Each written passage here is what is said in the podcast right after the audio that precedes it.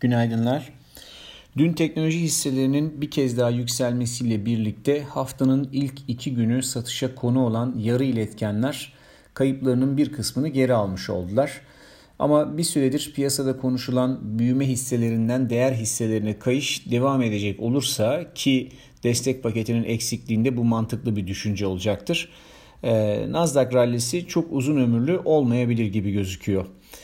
E, dün güçlü bir yükseliş yakalayan Amazon, Apple, Netflix gibi e, hisselerin yanında daha önce paylaştığımız yeşil enerji hisseleri küresel bazda yükseldiler. Burada hem Avrupalı e, yeşil enerji hisseleri vardı hem Amerikalı hem de aslında Asyalılar vardı. Hepsi çok ciddi yükselişler kaydettiler. Hatta bunların içinden Enphase Energy, Plug Power gibi hisseler bunlar daha önce sözünü ettiğimiz hisseler %10'un üzerinde günlük kazanım elde ettiler. Diğer yandan havayolu şirketleri ise aşı haberiyle yaptıkları rallinin ardından gerçekle yüzleşiyorlar diyebiliriz. Ve e, bir kar realizasyonu ile karşı karşıyalar. Bu konuda genelde alım yapmak için fazlaca soru geliyor. E, doğru e, belki almak lazım ama e, bizim düşüncemize göre sıçramada kar realizasyonunu beklemek gerekiyor. Yani bu kar realizasyonu dalgasının bitmesini beklemek gerekiyor ve sonrasında alım yapmak daha doğru olacaktır. Hatta haberin çıktığı ilk günde bahsetmiştim bundan. E, bu yükselişte malı olanlar için, elinde mal olanlar için bu yükseliş e, iyi bir işe yaradı. Yeni mal almaya yetişmek hemen hemen imkansız oldu o gün. Dolayısıyla ikinci round alım için daha çok aslında e, yolcu trafiğinin arttığına dair verileri görmek daha doğru olacak. Hani o bizi daha güvenli bir karar vermeye e, aşamasına getirir diyelim. E, dolayısıyla şimdilik alım için belki çok acele etmek gerekmiyor ama illa e, hava yolu şirketlerinde pozisyon taşımak istiyorum, yeniden yeni şu anda almak istiyorum diyorsak alacağımız e, toplam yapacağımız yatırımın sadece bir porsiyonuyla alım yapmak bence şu anda daha mantıklı bir karar olurdu. E, dediğim gibi orada gerçek veriyi bekleyip ona göre pozisyon arttırmak e, daha yerinde olur diye düşünüyorum. E, dün enerji hisseleri ise hava yollarının aksine aşı haberiyle elde ettikleri kazanımı geri vermediler. 2021 için bu sektörde beklediğimiz rallinin başlaması için henüz erken olduğunu düşünüyorum aslında. Ve e, o rallinin aslında bu ralli olmadığını düşünüyorum. Ee, ama şu anda tabii hem aşı haberiyle talep artışı beklentisi oluştu ee, hem de son güncel haberlerde e, OPEC ve OPEC Plus'ın e, üretim kotasını devam ettireceğini, ettirmek istediğine dair e, haberler vardı geçen hafta. Dolayısıyla birazcık daha petrolü destekleyen bir durum söz konusu. Yine de bir süredir alım önerisi verdiğimiz bu enerji hisselerinde en azından kısmi kar realizasyonu için bu yükselişin değerlendirilebileceğini düşünüyoruz. Daha sonrasında olur da geri gelirse boşa çıkan nakitle yeniden alım yapma imkanı olacaktır. Ee, bugün ayrıca bilançolar tarafında takip edilecek önemli bir açıklama seans sonrası Disney'den gelecek. Ee, endeksin büyük şirketlerinden bir tanesi Disney ve Covid-19'un başından bu yana tema parkları ve cruise işinden dolayı işleri yavaşlayan bir şirketti. E, hatta aynı nedenden dolayı Amerikan film endüstrisine sağladığı prodüksiyonları da gerçekleştirememişti. Bu nedenle yine çok parlak bir bilanço açıklamayacak gibi gözüküyor. Ama e, tabii bu nereden baktığınıza bağlı. Eğer analist beklentileriyle karşılaştıracak olursak gerçek bilançoyu e, potansiyel olarak e, iyi bir bilanço açıklar. Çünkü analistler böyle zamanlarda çok karamsar e, beklentilere girebiliyorlar. Oysa daha realistik bir karşılaştırma kriteri bizce e, geçen çeyrek yani 2020 ikinci çeyrek performansına karşı bir karşılaştırma olabilir veyahut da e, geçen senenin üçüncü çeyreğiyle e, karşılaştırmak daha isabetli bir değerlendirme yapmaya imkan verir diye düşünüyoruz. Pariteler tarafında dün dolar endeksi neredeyse bütün majörler karşısında değer kazandı. Dolar endeksindeki güçlenme kıymetli madenler üzerinde de baskı oluşturdu ve bu baskıdan aslan payını dün %6'dan fazla satılan paladyum aldı.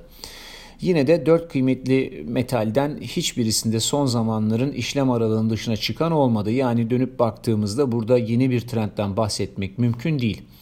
Bugün Amerika'da tüfe verisi açıklanacak. Dolayısıyla altın ve gümüşte pozisyon taşıyanlar için oldukça önemli olacaktır. Teorik olarak güçlü enflasyon verisinin altın için pozitif, tersinin negatif olması beklenir mevcut koşullarda. Aynı durum dolar endeksi için de geçerli olacaktır tabii ki.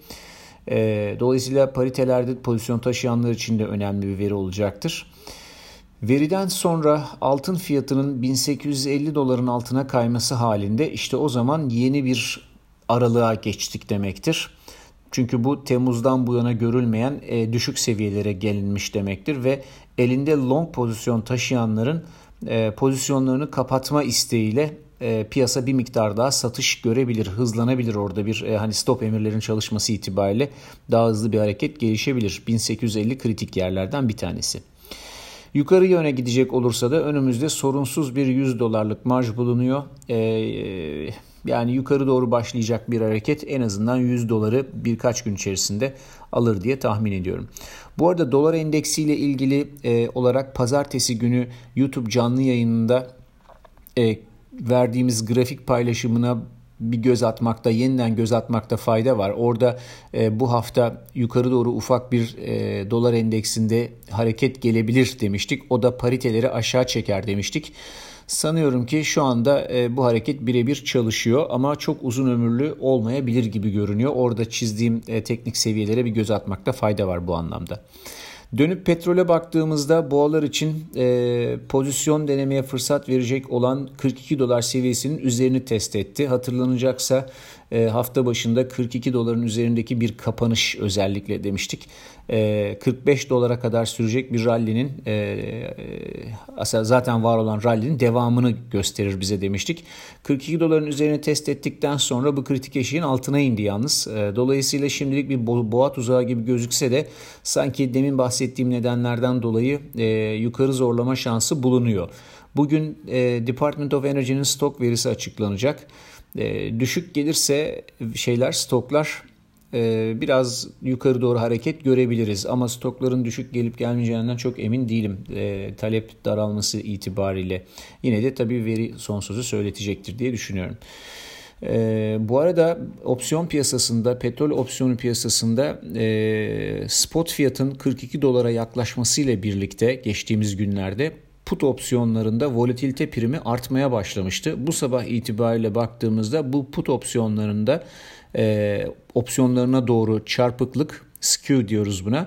Pazartesiye göre bile %21 oranında artmış gözüküyor. Yani piyasa ciddi anlamda put opsiyonlarında daha yüksek fiyat e, vermeye başlamış. Bunun sebebi tabii e, şey herhalde e, aşağı doğru geleceğini bekledikleri için değil. Çünkü öyle olsaydı future kontratlarında da satış olurdu. Gerçi dün biraz e, yükselip sattılar ama o top bence biraz ortada. Ama bunun sebebi şu şu olabilir. E, future kontratlarında long pozisyon taşıyan yatırımcılar büyük olasılıkla 42 doların üzerine giderse oradaki 3 dolarlık e, yani %7'lik 8'lik bir hareket marjını da yakalayabilmek için future kontratlarındaki longlarını henüz kapatmıyorlar. Ama buna karşılık 42 dolar önemli bir bariyer.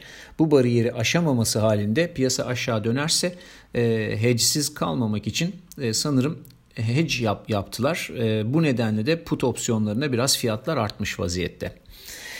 E, Son olarak petrol opsiyonlarındakine benzer bir durum bakır opsiyonlarında da var. Ama orada put volatilitesi yeni yükselmiyor. Bir süredir yüksek zaten. Ta yani ay başından bu yana falan yüksek. Ee, ekonomik destek paketinin geciktiği her gün bakır fiyatları aslında düşme riskiyle karşı karşıya kalmaya devam edecektir. Ee, aslında bakır kontratlarındaki e, short pozisyon sayısının düştüğü seviyeye bakarsak e, CFTC kod raporundan bu seviye 2011'den bu yana her test edildiğinde kısa zaman sonra short pozisyonlarda artış olmuş. Yani piyasa daha fazla short'a gitmiyor ve hatta biraz daha e, artık çok gittik diyerek bakır satmaya başlıyorlar. E, zamanların bazılarında buna karşılık longlar çokça azalırken bazılarında hafifçe azalmış ama her seferinde longlar da azalmış. Dolayısıyla net longlar azalıp shortlar artmaya başladığında net pozisyonda da bir gerileme olmuş. Net longdaki piyasada gerileme olmuş. Bu da fiyata etki etmiş. E, o anlamda baktığımızda e, yakın vade için tabi söylemek lazım bunu. E, bakır fiyatlarında aşağı yönlü risklerin e, artarak devam ettiğini söyleyebiliriz piyasa pozisyonlanması açısından. Ama temel beklentiler açısından da baktığımızda bu özellikle uzun daha uzun vade için geçerli bir beklenti. Hem destek paketi ile hem de altyapıya yatırım yapacağı düşünülen Amerika'daki demokrat hükümet nedeniyle e, bakıra talep artışı beklenir. E, buna paralel olarak da uzun dönemde bakır fiyatında yükseliş olması e, hala büyük bir olasılık gibi gözüküyor. Sadece kısa vadede pozisyonlanmanın rebalans edilmesi açısından bir geri çekilme olacak diye düşünüyorum. Bugünlük de bu kadar. Herkese iyi seanslar.